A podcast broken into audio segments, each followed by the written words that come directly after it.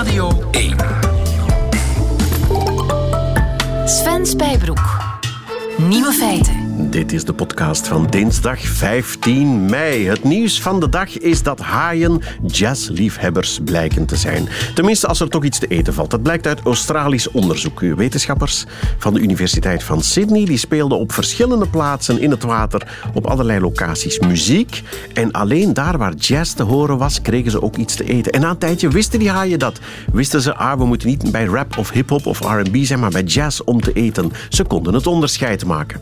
Alleen bij uh, klassieke muziek waren ze in de war en wisten ze niet goed wat ze moesten doen. De andere nieuwe feiten vandaag, daar hebben we het zo meteen over. Dat, daarvoor gaan we naar Irak. Daar is een ayatollah die de verkiezingen heeft gewonnen en die wil regeren met, hou je vast, de communisten.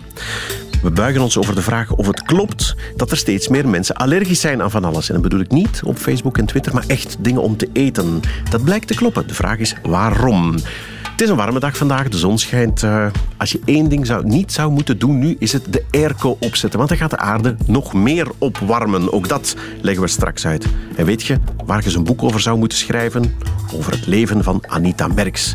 Anita wie? Dat leggen we ook straks uit. Dit zijn de nieuwe feiten van vandaag. Geniet ervan. Nieuwe feiten. Is het u al opgevallen dat er steeds meer mensen allergisch zijn? Dat is toch de indruk die ik heb als ik denk aan het uh, bedrijfsrestaurant van de VRT. Als je tegenwoordig wil eten, dan krijg je daar zo een ganse bijbel bij met allerlei allergenen. Die lijst wordt alsmaar langer. Is dat zo? En waar komt dat dan vandaan? Vroegen wij ons af op de redactie.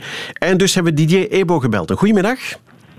Goedemiddag. Ebo, u bent uh, hoogleraar immunologie en allergologie van de Universiteit van Antwerpen, hè? Dat is correct. Klopt de indruk dat er steeds meer mensen allergisch zijn aan van alles en nog wat? De indruk klopt inderdaad. Uh, we zien de laatste jaren, de laatste generatie zal ik maar zeggen, een gestage toename van verschillende soorten van allergieën en niet alleen voedselallergieën. Niet alleen voedselallergieën. Wacht, wat, wat denk ik? Meestal denk ik aan, aan lactose en gluten en pindas en zeevruchten, dat soort dingen. Ja, de eerste twee voorbeelden die u aanhaalt, lactose en gluten, dat zijn nu net twee vormen waar we het niet hebben, of twee vormen van intoleranties, voedselintoleranties, waar we het niet hebben over een voedselallergie. Dus we moeten een onderscheid maken tussen enerzijds de echte voedselallergieën, ja. dus waarbij het afweersysteem, het immuunsysteem betrokken is, en anderzijds intolerantiereacties zoals de lactose-intolerantie of de celiakie, de glutenintolerantie. Ja, en wat, wat, wat is een intolerantie dan precies? Dus bij de intolerantie is het zo dat dus, laten we lactoseintolerantie als een voorbeeld nemen, is het zo dat dus uh, lactose is melksuiker. Ja. Mm -hmm. Dat moet normaal in de darm worden afgebroken door een bepaald enzym, dat noemt men het lactase. Waarbij patiënten met een lactoseintolerantie is er een stoornis van het lactase, dus dat enzym werkt niet goed, met als gevolg dat het lactose niet wordt afgebroken. En dat gaat dan aan de basis liggen van buikpijn, van krampen, diarree, winderigheid en zo van. Ah, ja, dat zijn ook ongemakken, zeg maar. Terwijl dat zijn... bij een allergie, dat, dat kan heel erg fout gaan. Hè? Je hebt zo verhalen van mensen die één schijfje banaan eten en dan volledig in shock gaan en zo. Ik denk, we mogen natuurlijk geen paniek zaaien, maar het grote verschil tussen een lactoseintolerantie en celiakie, die dus zeer oncomfortabel kunnen zijn, is dat bij bepaalde patiënten met voedselallergie de problematiek, de, de kliniek, de ernst nog veel uitgesprokener kan zijn. En inderdaad, voedselallergie, jammer genoeg, kan voor bepaalde individuen fataal aflopen. Ja. Maar dat is gelukkig de minderheid. Ja, godzijdank. Zeg maar, hoe komt ja. het nu dat, dat, uh, dat er meer en meer mensen zijn die allergisch zijn voor van alles en nog wat? Goh, eigenlijk is het zo dat er geen één specifieke verklaring is die alles kan verklaren. Uh, we moeten eigenlijk verschillende verklaringen in, in ons achterhoofd houden. Uh, bijvoorbeeld als we spreken over uh, toename van, een van de belangrijkste toenames die we de laatste jaren zien, is de toename van de pollenallergie. Waarbij vooral een toename is, heeft, is opgetreden van de boompollenallergie. Mm -hmm. En ik denk dat daar de, de, de vervuiling, de verandering van het klimaat, heel belangrijke factoren zijn. Door, wacht, maar, door, door de opwarming van de aarde en door, Wel, door de, meer CO2 dus zijn er meer pollen? Dus ja, men heeft dat nagebootst in broeikassen. Dus mhm. wat men eigenlijk gedaan heeft, men heeft de broeikassen genomen en heeft, men heeft in bepaalde broeikassen heeft men de normale atmosferische uh, eh, CO2-spanning toegelaten. En in andere broeikassen is men een beetje gaan uh, dat de temperatuur en de CO2-spanning gaan beïnvloeden. Meer CO2-spanning, hogere temperatuur. En er is men gaan kijken wat gebeurt de pollen van bepaalde planten die we daarin kweken in die broeikassen. En dus men heeft gezien, dus als je effectief hogere CO2-spanning en hogere temperatuur loslaat op broeikassen, dan zie je dat de biomassa toeneemt, dat er meer pollen worden geproduceerd. Ja. Uh, dus dat zijn allemaal argumenten die dus toch aangeven dat er dus een effect is op die plant. Ik heb wel eens horen vertellen dat het, uh, hooikoorts komt omdat we te hygiënisch zijn geworden. Ja, de hygiënehypothese is eigenlijk een, een, totaal andere, een totaal ander verhaal. Ik heb in het begin al gezegd dat er niet één verklaring is die. Ah ja, dat is er nog één. Oké. Ja, de hygiënehypothese, dat is dus de hypothese uh, dus waarbij men dus aanneemt, waarbij men dus stelt dat um, het immuunsysteem, het afweersysteem, op het mhm. moment dat je geboren wordt, is niet volwassen, is nog niet rijp, is immatuur. Dat moet dus uitrijpen. Ja. En, en, helemaal in het begin, helemaal in het begin heb je dus een soort kritische fase eh, waarbij dus gemakkelijke allergie kan ontstaan.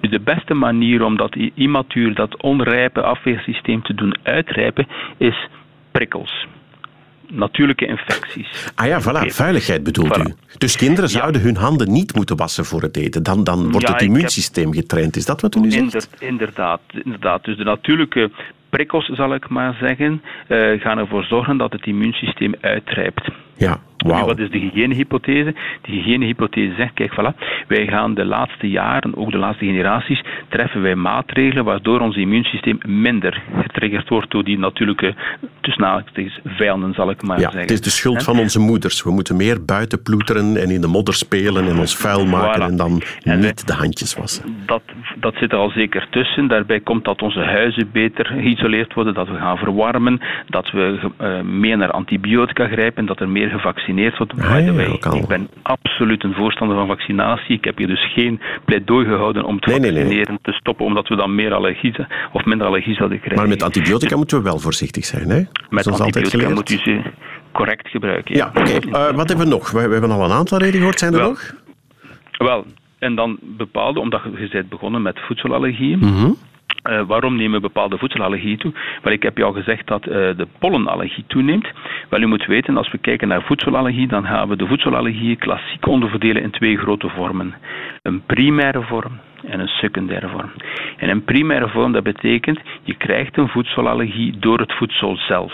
Met andere woorden, u krijgt een pindaallergie doordat u bent blootgesteld op een of andere manier aan pinda. Dus de pinda zorgt voor de allergie en de pinda zorgt ook voor de klachten van de allergie. Ja, okay. dat is een primaire allergie. Mhm. Bij een secundaire voedselallergie gaat het enigszins anders. Daarbij gaat voedsel effectief wel verantwoordelijk zijn voor de klachten, maar het is niet het voedsel die verantwoordelijk is voor het induceren, het uitlokken van de allergie. En een klassiek voorbeeld is de boompollenallergie.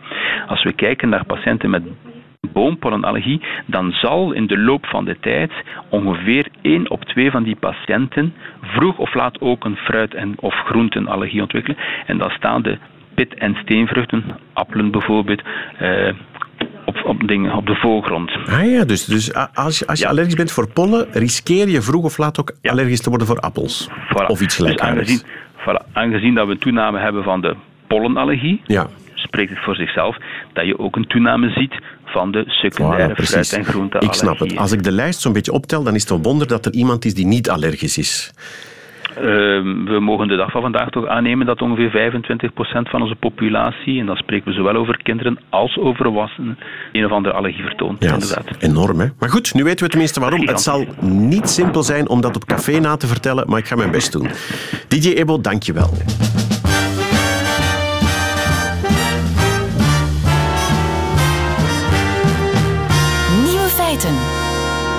Niet alleen Eurosong is achter de rug, maar ook de verkiezingen in Irak. En voor het eerst sinds de verdrijving van IS door het Iraakse leger zijn daar verkiezingen gehouden. En ze gaan er voor vernieuwing. Premier Haider al-Abadi die moet de duimen leggen voor Moqtada al-Sadr. Dat is een geestelijke die een alliantie heeft gevormd met de communisten. Dat alleen al is wel heel vreemd. Hè? Dus wij toch maar even een lijn getrokken naar Irak, naar Judith Neuring. Goedemiddag. Goedemiddag. Wie is die Moqtada al-Sadr? Een Sjiitische geestelijke lid van een invloedrijke geestelijke familie in Irak. Zijn vader, zijn ooms waren ayatollahs, groot ayatollah zelfs zijn vader. Uh, en uh, zijn vader is met name beroemd en vereerd onder de Shiiten in Irak, uh, omdat hij stelling nam tegen Saddam.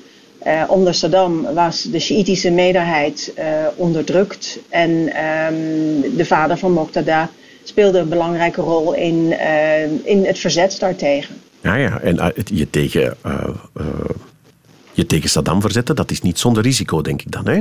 Heeft hij het overleefd? Nee, absoluut. Hij, nee, hij is in 1999 uh, is hij vermoord door de geheime dienst van, van Saddam. En Moqtada was het, de enige van het gezin die overbleef, want ook zijn broers zijn vermoord. Hij heeft uh, jarenlang ondergedoken gezeten en toen in 2003 de Amerikanen en Irak uh, binnenvielen. Uh, toen kwam hij weer naar boven. En vanaf dat moment speelt hij een rol in Irak. Dat is wel een, dat is wel een heel straf verhaal. Hè? En nu heeft hij dus de verkiezingen gewonnen. Hoe heeft hij dat precies gedaan? Samen met de communisten was het, hè? Ja, hij heeft met de communisten een, een lijstverbinding is die aangegaan. En dat is eigenlijk het resultaat van jarenlang samenwerken op straat. Um, zowel de aanhangers van Sadr en dat zijn er miljoenen in Irak, als uh, die van de communisten, dat zijn er een heleboel minder, uh, hebben uh, in Irak flink gedemonstreerd tegen de corruptie en ook tegen de onveiligheid. Eigenlijk tegen de regering. Ah, ja. En nu hebben ze dus in feite samen een verzetsbeweging gevormd. Oké, okay, dus het is een soort um, wat, ja, een, een burgerbeweging bijna, of hoe moet ik dat zeggen, of een protestbeweging? Is het zo ja, gegroeid? Een burgerbeweging, een protestbeweging. eigenlijk, is het, eigenlijk is het zo simpel. Ja, en het nu is een beweging dus... die zich verzet tegen de corruptie. Voilà, en ze hebben de verkiezingen gewonnen. Wat heeft die Moqtada al-Sadr wat al-Abadi niet heeft? Um, nou ja, een, uh, de belofte dat hij inderdaad gaat zorgen dat uh, die corruptie die het land totaal verlamt, uh, dat daar een eind aan komt. Um, het, het lastige is, um, Al-Sadr zit eigenlijk al sinds 2005 uh, in iedere regering die er in Irak is. Dus het nieuwe gezicht waar iedereen in, in Irak uh, voor wilde stemmen, dat is hij nou ook niet echt. Maar hij heeft wel al zijn politici naar huis gestuurd en hij heeft allemaal nieuwe mensen op de kieslijst gezet. Ah. En ook aan de communistische kant zijn een heleboel nieuwe mensen op de lijsten gezet. Dus, ah, dus die Al-Sadr die zat al in de regering? Die heeft uh, in de regering ook het een en ander gedaan wat niet helemaal door de beugel kan aan corruptie. Uh, en ja, dat maakt hem natuurlijk ook een beetje omstreden. Ah ja, dus, dus, dus als, als regeringslid zeg maar, was hij corrupt en nu heeft hij de verkiezingen gewonnen met de belofte dat hij de corruptie gaat uitbannen. Ja, en daar hebben de, de Irakezen dan toch wel uh, redelijk vertrouwen in.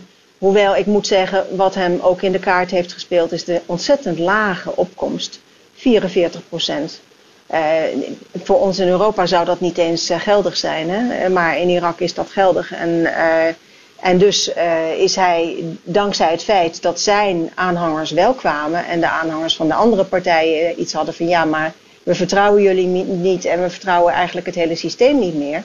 Uh, dankzij uh, die beweging uh, is hij de grootste geworden. Ja. zeg, en, en denk je nu, hè, zij is omstreden, dat, dat dat zou kunnen lukken om die corruptie uit te bannen? Het lijkt me ook heel moeilijk. Hè? Hoe zou je daar moeten aan beginnen in Irak? Ja, het is een enorm probleem. Hij denkt dat hij dat kan met een regering van technocraten.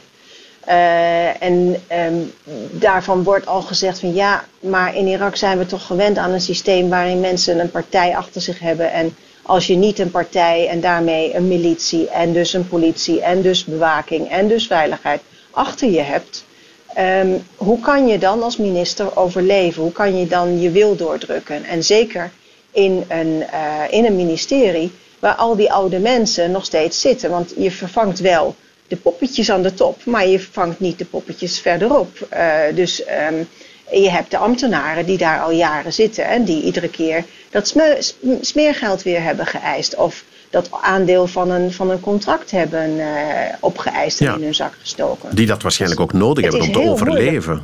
Nou, de salarissen in, in Bagdad zijn niet slecht, moet ik eerlijk zeggen. De overheidssalarissen zijn daar op dit moment beter uh, dan wij hier in Koerdistan, waar ik woon, uh, hebben.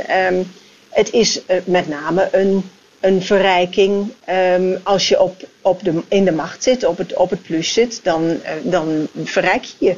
Dat is een, een systeem. En ja. dat systeem, dat moet doorbroken worden. En dat zou je nu mogelijk, hopelijk willen proberen. Zeggen de Amerikanen, zitten die nog in Irak eigenlijk op dit moment? Jazeker, die zitten hier nog om uh, de verschillende onderdelen van het leger te trainen, maar ook om uh, nog mee te werken aan um, acties tegen ISIS, want die is nog steeds niet helemaal weg. Ja, toch niet. En wat vinden die van de machtswissel? Of, of hebben die daar niks meer in te zeggen of over te zeggen? Nou, Assad staat bekend als behoorlijk anti-Amerikaans. dus uh, ze zullen niet helemaal blij met hem zijn. Um, aan de andere kant, Iran zal ook niet heel erg blij met hem zijn, want hij is ook anti-Iraans. Hij is eigenlijk tegen alle buitenlandse inmenging in het land. Maar dan moet ik er meteen bij zeggen dat de huidige premier, Abadi, die voor beide landen eigenlijk wel acceptabel is en waarvan zij dachten, nou die gaat wel een tweede termijn uh, beginnen. Uh, die heeft al gezegd dat hij best wel bereid is om met Al-Sadr een regering te vormen. En zij met z'n tweeën zijn nog steeds niet genoeg. Daar moeten dan nog weer andere partijen bij. En dat zullen dan toch waarschijnlijk de wat gematigde uh, spelers zijn. seculiere partijen, um, de Koerden wellicht. Uh, want met z'n tweeën kunnen ze geen meerderheid vinden in, uh, in het parlement van 329 zetels. Ja, dus dat, dat zijn dan uh, Shiiten samen, want dat zei je, die Al-Sadr is een Shiite en Soenieten, de vorige regering en nog allemaal andere groepen. Dat, dat gaat niet simpel worden, hè? Het lijkt België wel, ze gaan er nee, 500 dit, dagen over een... doen. nou, de vorige regering was dat ook hoor.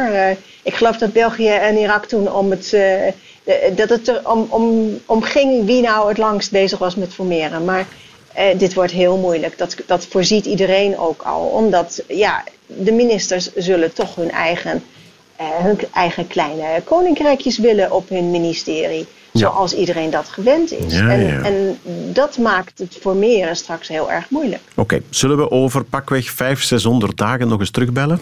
Nou, dat lijkt me een heel goed idee. En zien hoe het dan loopt in Irak. Dan zullen we zien of er inderdaad een regering gevormd is. Ja. En of dat een regering is waar Assad erin zit, want dat is natuurlijk ook nog een mogelijkheid. Ah ja, dat is waar. En hoe dat het met de corruptie zit nog... enzovoort. Oh, vragen, vragen, vragen. Spijtig ja, dat we nog 500 precies. dagen moeten ja. wachten. Maar bedankt voor de stand van zaken, Judith Neuring. Nieuwe feiten. We hebben al uh, veel warme, zonnige dagen gehad. Vandaag is er ook weer zo eentje en er komt hopelijk nog een hete zomer aan. Maar als u zou denken om de airconditioning te gaan opzetten, denk dan toch nog eens twee keer na. Want hoewel dat toch wel voor verkoeling zorgt en best aangenaam is, is de airco tegelijkertijd een van de grootste boosdoeners als het over de opwarming van de aarde gaat. Chemicus Guus Velders, een goedemiddag. Goedemiddag. U bent verbonden aan de Universiteit van Utrecht, als ik het goed heb. En u heeft dat uitgezocht, dat is... hè? Ja, dat klopt. Ik vind het inderdaad, uh, ja. beetje vreemd. Airco, hè? Je, je haalt ergens uh, zeg maar warmte weg en je blaast die er aan de achterkant, aan de andere kant van het gebouw terug uit. Op zich denk ik dat is gewoon een nuloperatie. Klopt. En uh, zeker als het warm wordt, is natuurlijk een airconditioning zeer aangenaam. Ik zit er ook in een gebouw dat enigszins gekoeld wordt. En dat is met deze temperaturen weer lekker. Mm-hmm. Waar het vooral met airco's om gaat, is dat er een koelstof, een koelmiddel in zit. Tegenwoordig vaak uh, vroeger CFK's, die de ozonlaag aantasten. Tegenwoordig vaak HFK's. Dat zijn fluorkoolwaterstoffen. En dat zijn op zich sterke broeikasgassen. En dus zolang het koelmiddel in het apparaat blijft zitten, is er niks aan de hand. Dan doet hij gewoon zijn werk. Maar als hij vrijkomt, bijvoorbeeld door een lekkage... of doordat hij het, het einde van zijn levensduur op een vuilnishoop landt...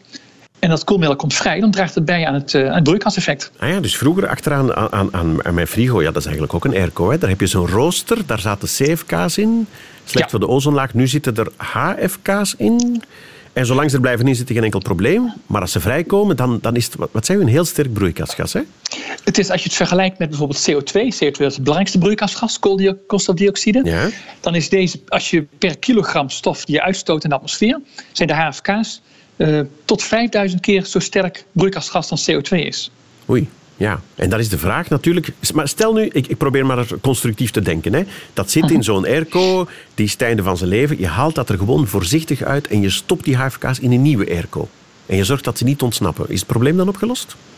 Eh, als het niet in de atmosfeer komt, is het, eh, kan het geen broeikaseffect veroorzaken. Dus dan zou dat, eh, is dat op zich geen probleem. Maar Ja. nu hebben die HFK's nog een of de, de airco's nog een tweede probleem. Want ze zitten natuurlijk in stopcontact en die gebruiken heel veel stroom.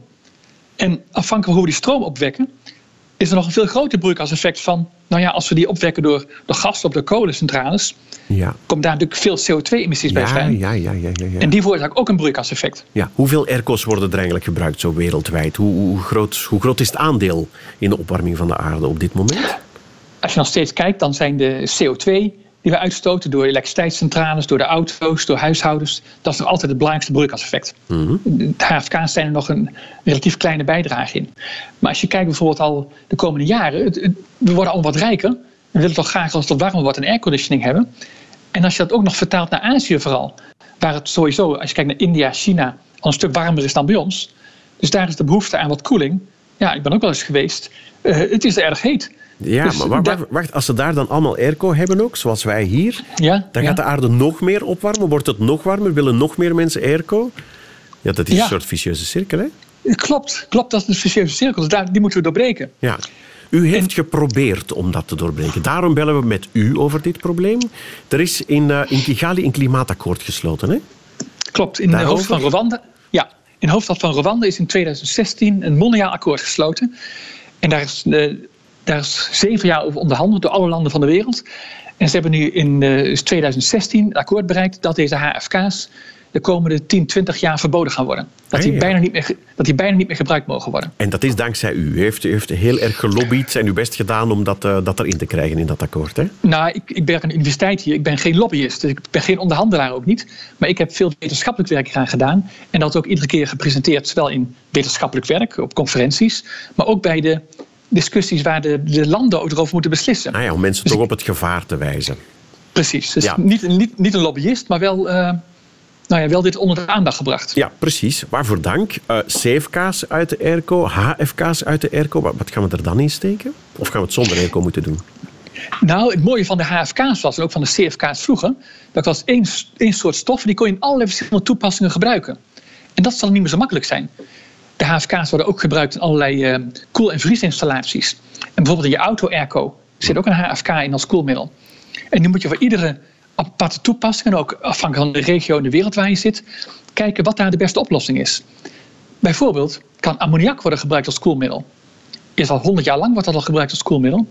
Alleen ammoniak als het vrijkomt is giftig. Ja. Dus, dus dat wil je niet gebruiken in grote hoeveelheden waar mensen, waar mensen En wonen. niet in auto's bijvoorbeeld. Stel je voor dat daar ammoniakdampen in, eh, in lekken. Precies, precies. Ja. Dus voor, voor, voor de auto-airco hebben ze nu, heeft de industrie een andere stof bedacht. Met een hele mooie naam. Dat is een HFK 1234IF. Hoe Dus het alternatief, het alternatief voor de HFK is de HFK 12... eh, hoeveel was het? 1234IF. Ja, ga daarmee naar de drogist om dat te bestellen. Precies, dat is één alternatief. Eh, wat ook veel wordt gebruikt in supermarkten bijvoorbeeld al, kun je ehm, een brandbare als propaan of isobutaan gebruiken als koelmiddel. En zelfs CO2 wordt gebruikt als koelmiddel. Ja, Maar je ah, moet dus ieder- CO2 ook. Ja, Ah, maar CO2 dat, dat was net het probleem. Dat is zo'n broeikasgas. Als we dat in die airco kunnen steken, dan zijn we er toch al een tijdje vanaf.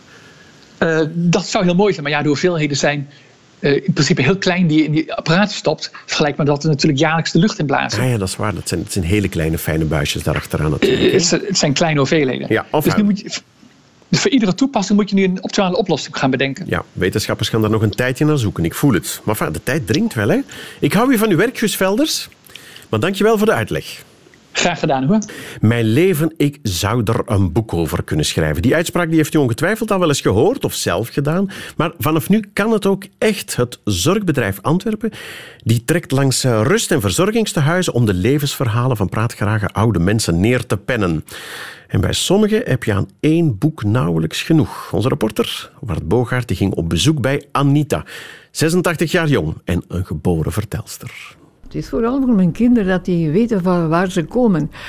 En dan begin ik natuurlijk met mijn eigen familie, die ook een beetje bijzonder is. Want dan gaan wij terug tot een heel beroemd mens, een oud-burgemeester van Antwerpen, Ro Cox. Nicolaas Rocox. Dat? Wauw, die van het Rokokshuis. Ja, die meneer. Daar ben jij familie van. Ja. Het is te zeggen van zijn tante. De zus van zijn moeder, een zekere Gramai. En die haar man was financiën. Anita Merks begint niet met ik ben geboren in 1932, want ze is wel degelijk geboren in 1932, maar met een hypergedetailleerd verhaal vol bochten en omwegen ergens in de 17e eeuw. De tijd van Rubens, hè? Het verhaal kronkelt en blijft kronkelen. Zegt u dat iets? En een half uur later zitten we een paar eeuwen verder. We hebben ook in de familie een ander deel ervan, niet in Antwerpen, maar in Bornem. Want mijn familie is dus via die acht generaties naar Bornem gesukkeld. En die eh, waren boeren, groot, groot. En die hadden veel fruit. En eh, die hadden... Ze is weer vertrokken, hè, Elske? Ongelooflijk, hè? Elske is de schrijfster die van Anita's meanderende verhaal een boek moet maken. Wij spreken elkaar eh, drie keer in totaal, drie keer drie uur praten we. En dan doemt ook wel vanzelf een lijn op. Dus sommige dingen komen weer terug en soms kan ik het weer aanvullen. Dus ehm, ja, het is wel mijn taak, maar dat, het gebeurt ook wel zo hè, in het gesprek vanzelf. Ik wil dat nalaten aan mijn kinderen. En dat, dat is iets dat niet verloren mag gaan. Moet je weten waar je vandaan komt. Ik vind dat toch bijzonder belangrijk. Er is een zekere trots.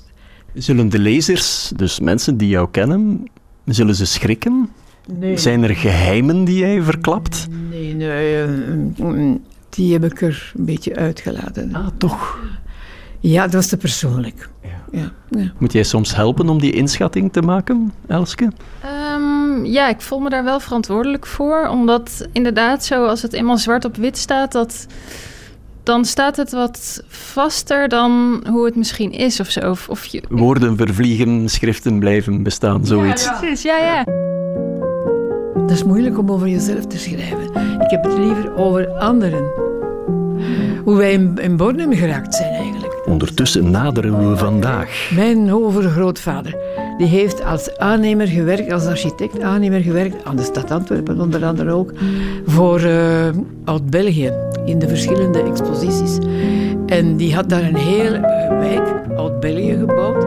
Staat, ik heb daar foto's van en zo, maar ja. En eh, dat werd nadien afgebroken. Het verwondert mij een beetje, Anita, dat je nog over één ding niet gepraat hebt.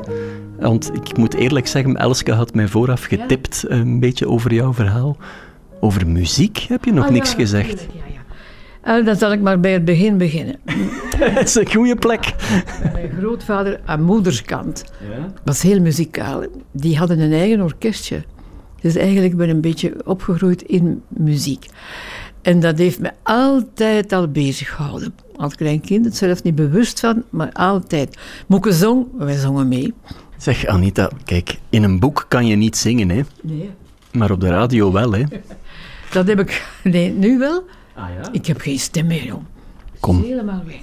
Wat moet ik dan zingen? De nuil die op een perenboom zat. Kom, de nuil die op de peerboom Dat zat. kennen jullie niet. De nuil die op de perenboom zat.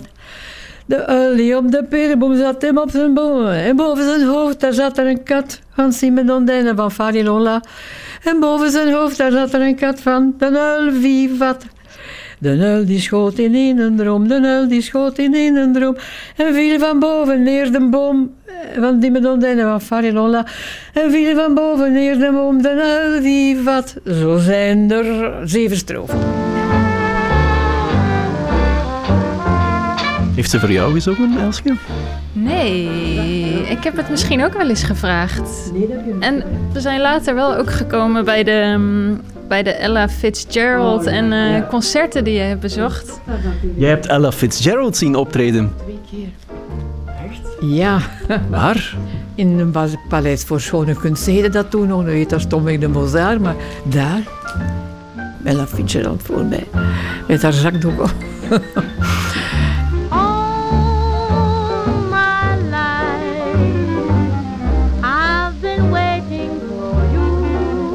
zou toch zo graag zangeres zijn geworden.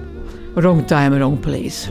In die tijd. Het mocht niet van thuis. Nee, Moeke, ik zou naar het conservatorium willen gaan, zegt mijn moeder. Dat zijn er allemaal oren.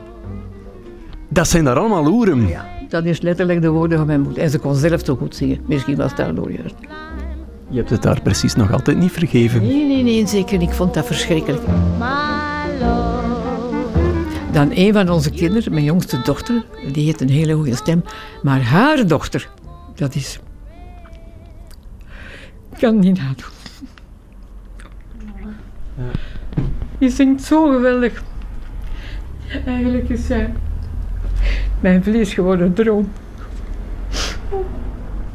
Zij heeft gedaan wat jij niet hebt kunnen doen.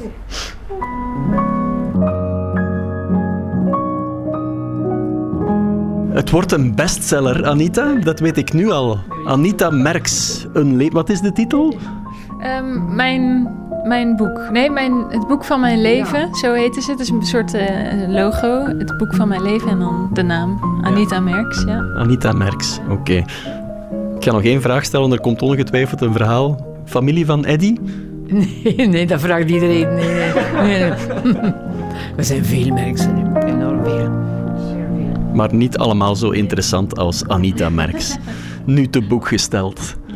En dan is nu hoog tijd voor eh, een middagjournaal van nog een schrijver en theatermaker en columnist, Fikri El Azouzi. Wat die gisteren, gisteren ging het ook over handen geven en wel, wel of niet handen wassen en dat soort dingen. Zeer benieuwd wat hij vandaag te vertellen heeft. Nieuwe feiten. Middagjournaal. Salam alaikum. Ik weet niet wat ik anders moet zeggen. Ik probeer gewoon beleefd te zijn. Ik ben nooit goed geweest in openingszinnen. Ik ben ook niet zo joviaal. Ik ga niet makkelijk met anderen om. En dat komt omdat ik, denk ik, nogal onverdraagzaam ben. Ik kan niet goed tegen geluiden. Ik kan niet tegen een te luide ademhaling. Mijn haren komen daar recht te staan. Ik kan niet tegen het snuiten van een neus. Pure horror voor mij. Ik kan niet tegen het eten van een appel met al die smakgeluiden erbij. Dan moet hij voor mij echt dood, dood, dood. Door drugs werd ik wel socialer. Ik begon aan te praten. Ik praatte veel. Ik praatte heel veel, maar wel onsamenhangend en aan één stuk door. Ik schreeuwde, mompelde, werd emotioneel en had het de hele tijd over mezelf. Drugs kon ik niet meer betalen en ik wilde ook niemand meer kwetsen of irriteren. Ik ben nu eenmaal iemand die door iedereen geliefd wil worden, dus herpakte ik mij en bleef ik gewoon thuis. Mijn maat, Michel de Kok, jullie kennen hem vast wel.